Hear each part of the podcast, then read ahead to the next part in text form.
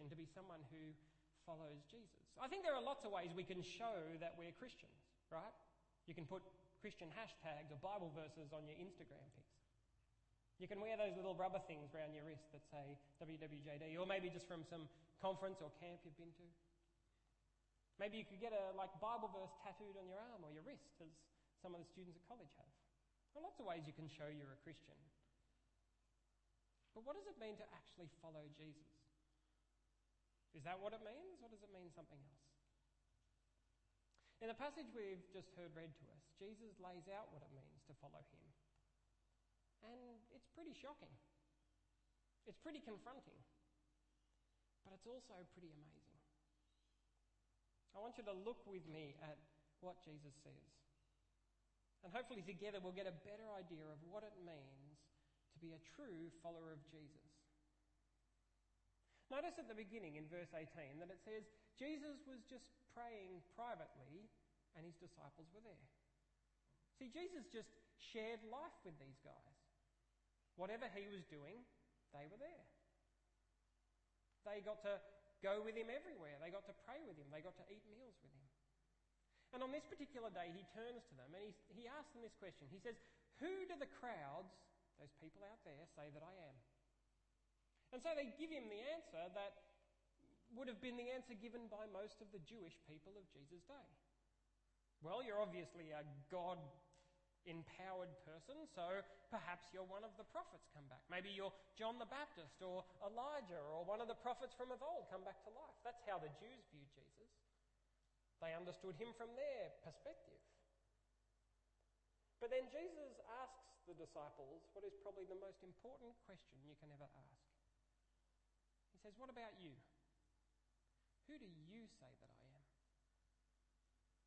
You know, as you read through the Bible, I think pretty much everything hangs on how you answer that question. Who do you say Jesus is? How you view Jesus will shape how you relate to God. It will shape how you view the world. It will shape how you live. So, what do these men say? These, these guys who've spent life with Jesus? Well, Peter speaks on behalf of them and he says, You're the Christ of God. You're the Christ of God. You are God's Messiah. You are the one that God promised long ago. You fulfill all the promises that God has ever made. And they've come to this conclusion because they've seen what Jesus has done.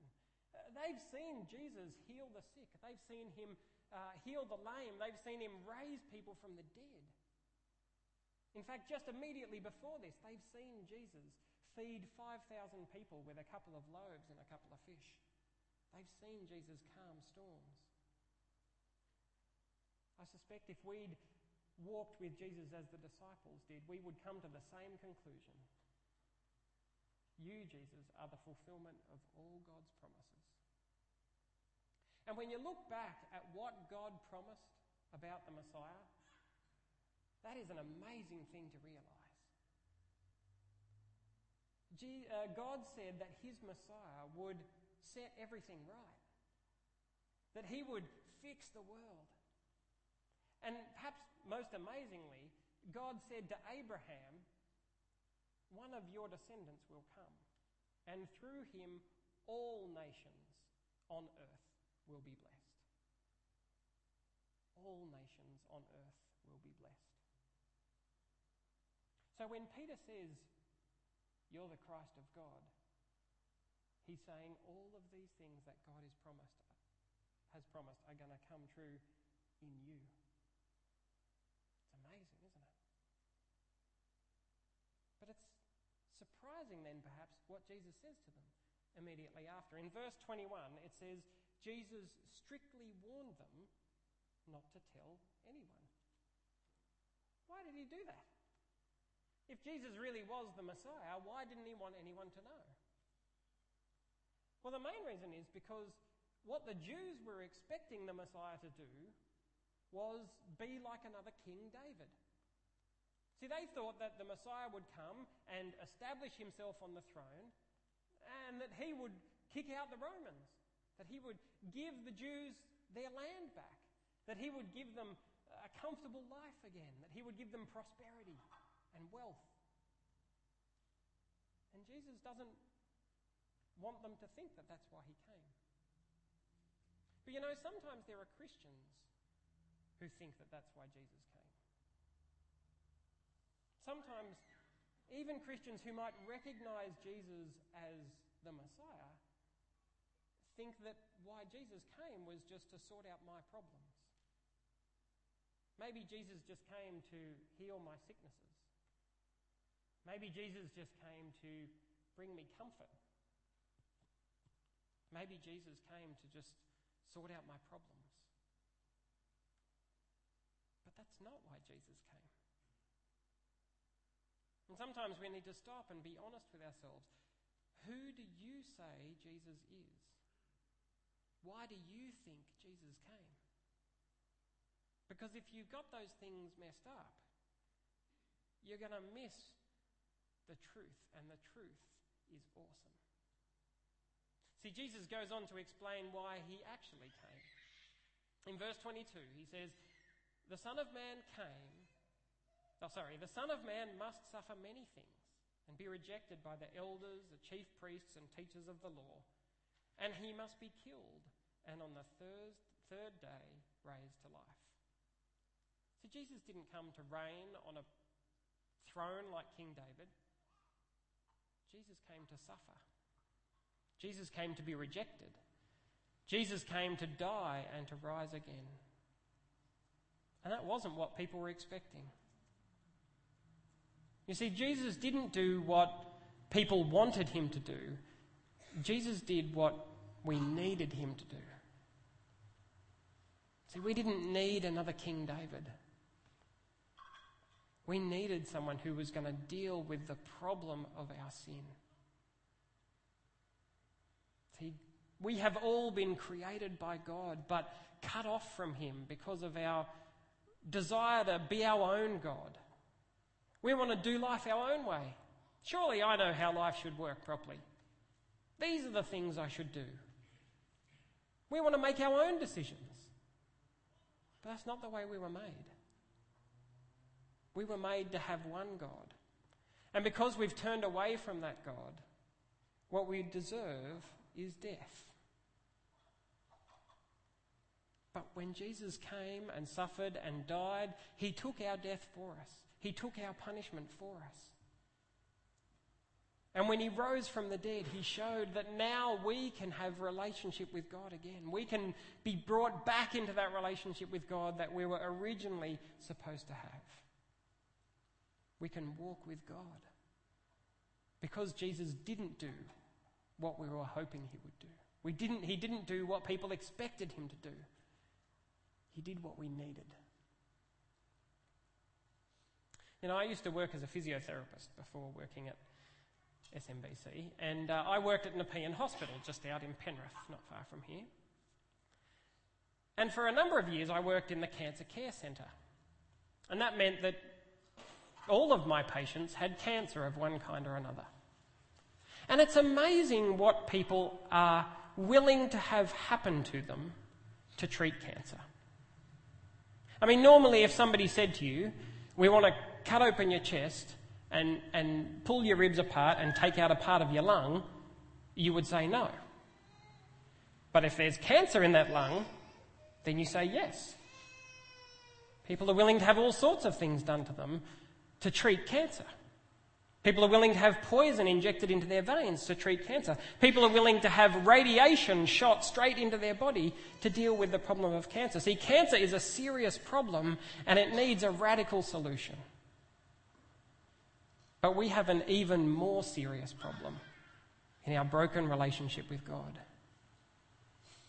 And it needed an even more radical solution.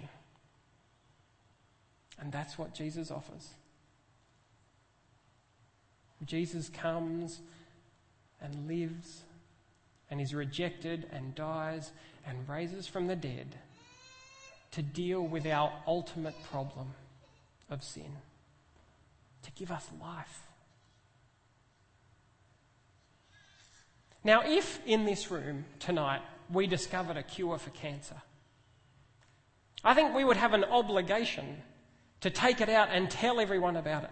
Especially if it was a cure that was relatively simple, more simple than surgery or chemotherapy or radiation.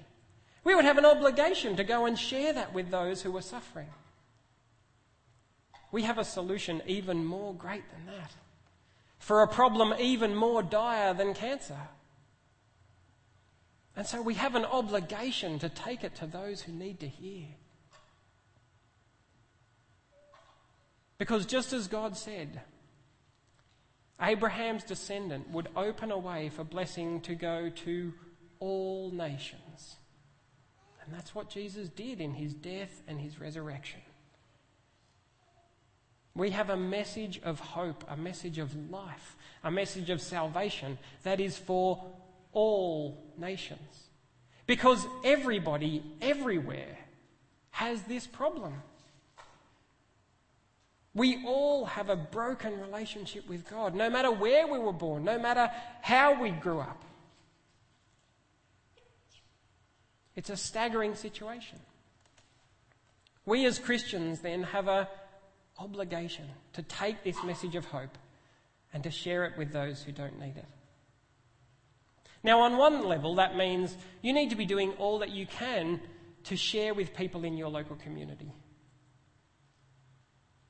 But even that's not really enough. Let me give you a bit of a picture of the world. In the world, there are just short of seven and a half billion people. Okay, that's seven, five, and then eight zeros. That's a lot of people. Now, of those seven and a half billion, about 30%, or thereabouts, call themselves Christian. Now, how faithfully they follow God's word is debatable, but, but they have some idea about who Jesus is. About another 40% or so know Christians. They've heard about Jesus. They're not Christians themselves, but they know roughly who Jesus is and something of what he did.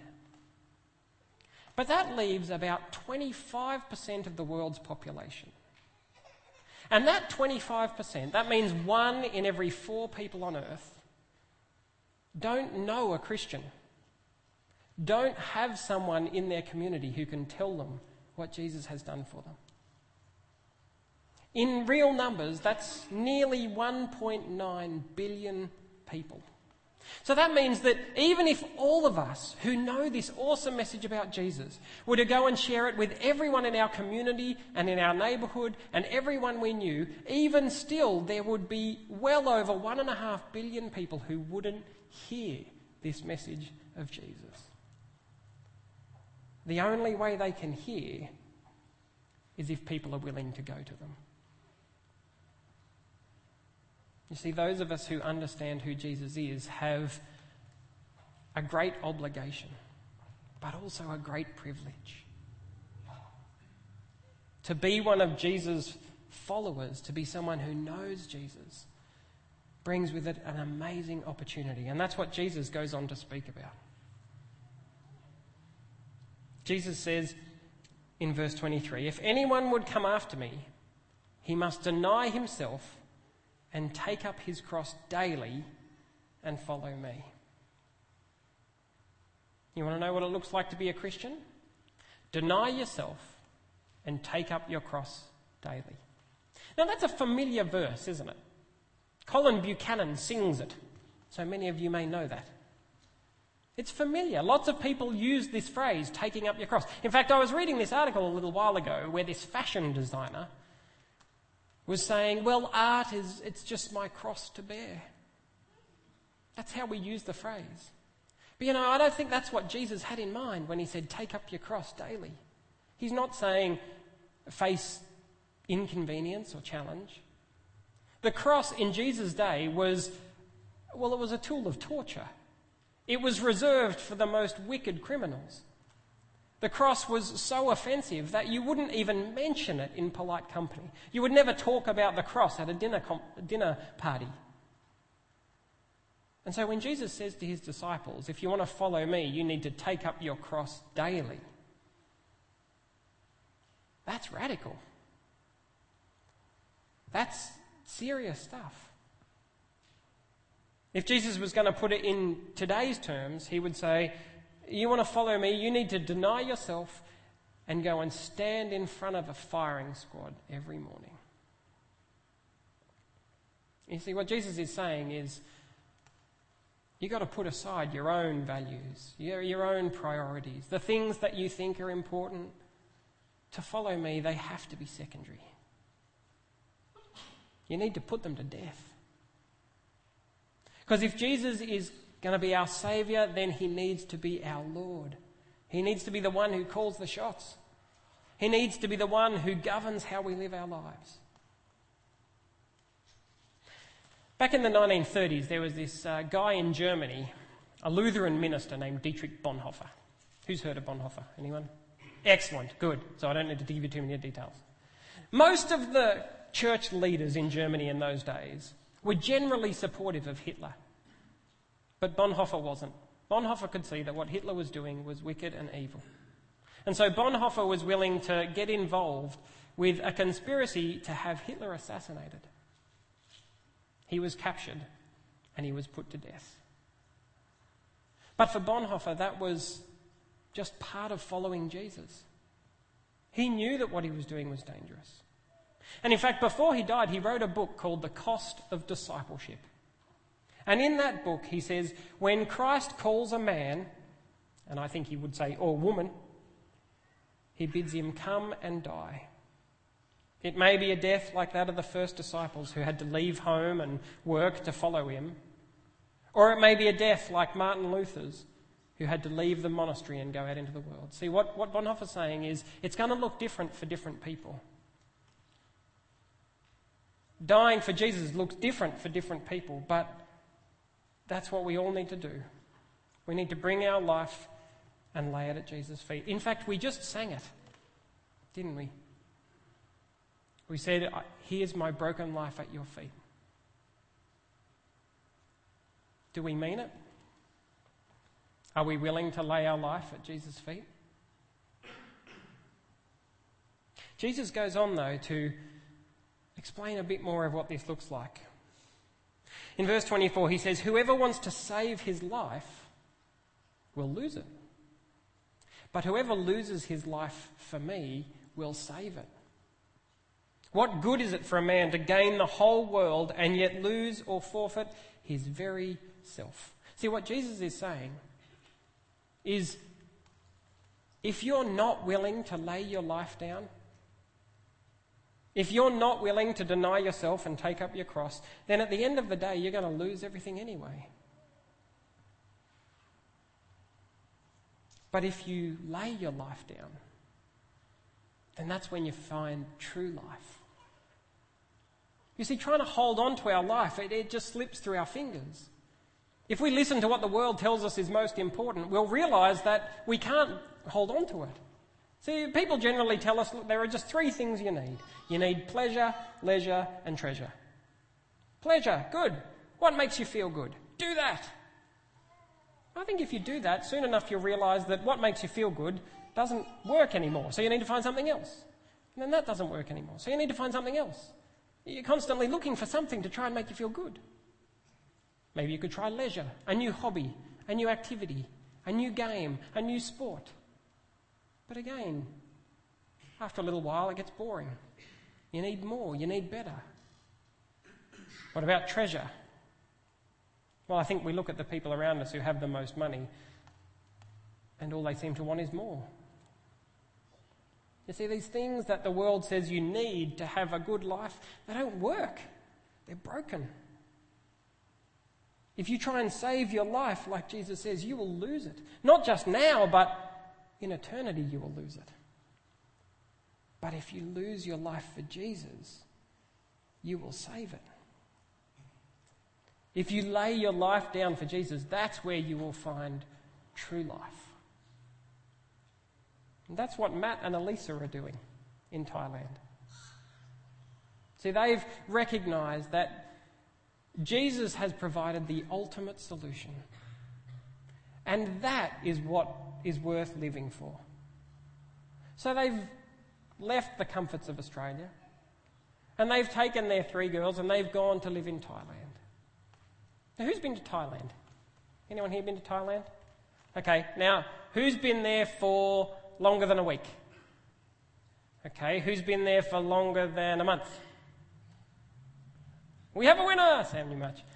Most people go to Thailand for a little while because it's a lovely place to visit. But it's not a good, easy place to live. Mainly because Thai culture is very, very different from Australian culture, and Thai language is very, very different from Australian language. I have a friend who lived in Thailand for 13 years, and he said, I think I was really just maybe starting to understand Thai people. 13 years! It's difficult to know how to live there, and the language will blow your mind. The language has seven tones, right? So that means if you make a different pitch with the, it means different things. In fact, a friend of mine who speaks Thai shared this sentence with me. I can't say it because I can't speak Thai, but this is pretty much what it sounded like. Okay, it went ma ma ma ma ma ma ma ma, and it translated as "I called the dog, but the horse came instead." That's how complex this language is. And Matt and Elisa have gone there and they're sitting in rooms and they're reading with people to try and learn this language so that they might share Jesus' love with people. That's what it looks like to let go of your life for the sake of Jesus. That's what it looks like to say, Jesus, I want to lay my life at your feet.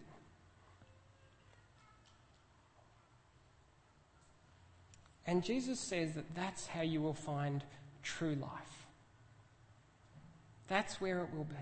There was one time when the disciples said to Jesus, in fact, it's a bit later in Luke in chapter 18, they say, But, but we've left homes and, and we've left, left family, and what, what's going to happen to us? And Jesus says, Nobody who leaves home or wife or brother or sister or parent or children for the sake of the kingdom of God will fail to receive many times as much in this age and in the age to come. You want to have life overflowing? Lay your life at Jesus' feet. Do what you can to stand boldly for Jesus, because Jesus goes on to say, Anyone who's ashamed of me and my words, the Son of Man will be ashamed of him when he comes in his glory. True life is found in standing with Jesus, in boldly saying to the world, Jesus is the only solution the only solution to our ultimate need. So, what does it look like? It means taking this message to those who haven't heard it. That's why Jesus came to provide a way for salvation to all people in all nations. And yet, there are nearly 2 billion people in this world who are never going to hear it unless we're willing to go. Are you willing to go? Are you willing to say to Jesus, Here's my life. I'll do whatever you say. If you're a follower of Jesus, then that's what he says you need to do. So your answer should be yes. You should be willing to say to God, Lord, I will do whatever you say. I will go wherever you will send. Now, God may not send you. God may have you serve here. There are many ways that we can serve God's global mission. You may be someone like Matt and Elisa that God does lead to go and use your life overseas to help people hear about Him. But for every Matt and Elisa that go, there need to be people here who send them, who support them, and that doesn't just mean putting some money aside to support them, it means providing for them emotionally, supporting them when they're struggling with their language study, sending them a note that says, Hey, we're thinking of you and praying for you. It means praying for them so that they might be able to hold on to Jesus when things are tough. It means encouraging them. It means putting aside our own priorities and looking to Jesus' priorities his goal of seeing hope come to people from every nation and every tribe and every tongue. And when we do that, we will see God do amazing things. You see, at the end of this passage, Jesus says, I tell you the truth, some who are standing here will not taste death before they see the kingdom of God. What does that mean? I think for some of his disciples, it means you're going to see me up the mountain of transfiguration, which is the next thing that happens. Jesus is revealed in all his glory, and some of the disciples see it. But I think it also has significance for us. Do you want to see God powerfully at work in the world? Then give your life to Him. I have a friend who's living in Iraq. He lives in northern Iraq in refugee camps, people who are fleeing the conflict in Syria. And he's there because he wants to share this message of Jesus, this message of hope, with people who are running for their lives. Now, the vast majority of people coming out of Syria, not all of them, but most of them, are Muslims, running from Muslims. And many of them are losing their faith in Islam. And he says he's seeing hundreds, thousands of Syrians recognize that Jesus meets their ultimate need. He is seeing God's kingdom at work. He's seeing people's lives transformed. Now, living in northern Iraq, hanging out in refugee camps is not easy. You've got to lay down your life to do something like that. But when you do, that's when you see God at work. It may not be overseas, it might be here. But laying your life at Jesus' feet is the way to have life the way God intended. It costs us everything, but rewards us even more. In the 1950s, there was a missionary in America called Jim Elliot. I'm sure some of you have heard of him, but let me just remind you of his story. Jim, like me, grew up in a Christian home, but unlike me, Jim was much more serious in his love for Jesus. Jim was passionate about following Jesus. And when he was in high school, people said, You should go to Bible college. You'd make a great pastor. So he went to Bible college and kept learning more and more about Jesus. And they said, You'd make a great youth pastor. But Jim looked around America and said, You know what? I think there's enough pastors here. And he decided to go somewhere to people who couldn't hear about Jesus. He heard about these people in the Amazonian jungle in Ecuador called the Huaorani Indians, sometimes called the Auca Indians. And he decided to go to them. So in 1952, he moved to Ecuador. A year later, he got married. Married a girl he met at Bible college called Elizabeth. A couple of years later, they had a daughter named Valerie in 1955. But they were living in Ecuador with the goal of reaching out to this isolated tribe, this tribe who'd never had any contact with white people. In January 1956, Jim and four of his friends made a trek into the jungle to try to reach this tribe. But on their way in, they were ambushed by 10 men from that tribe who killed all five of them. Their bodies were found floating down the river. But to their credit, the other missionaries continued to seek to reach out to that tribe. Elizabeth Elliot and Valerie continued to seek to share Jesus' love with that tribe. And over time, many in that tribe came to trust in Jesus. The kingdom of God was at work among them. Now, some people might look at Jim and think, well, that was a bit of a waste of a life. But Jim knew that there was nothing better to do than give his life for Jesus. In fact, before he even went to Ecuador, he wrote in his diary once, He is no fool who gives what he cannot keep to gain that which he cannot lose. He is no fool who gives what he cannot keep to gain what he cannot lose. He's basically just echoing the words of Jesus here. You want to find true life? You want to be a real follower of Jesus?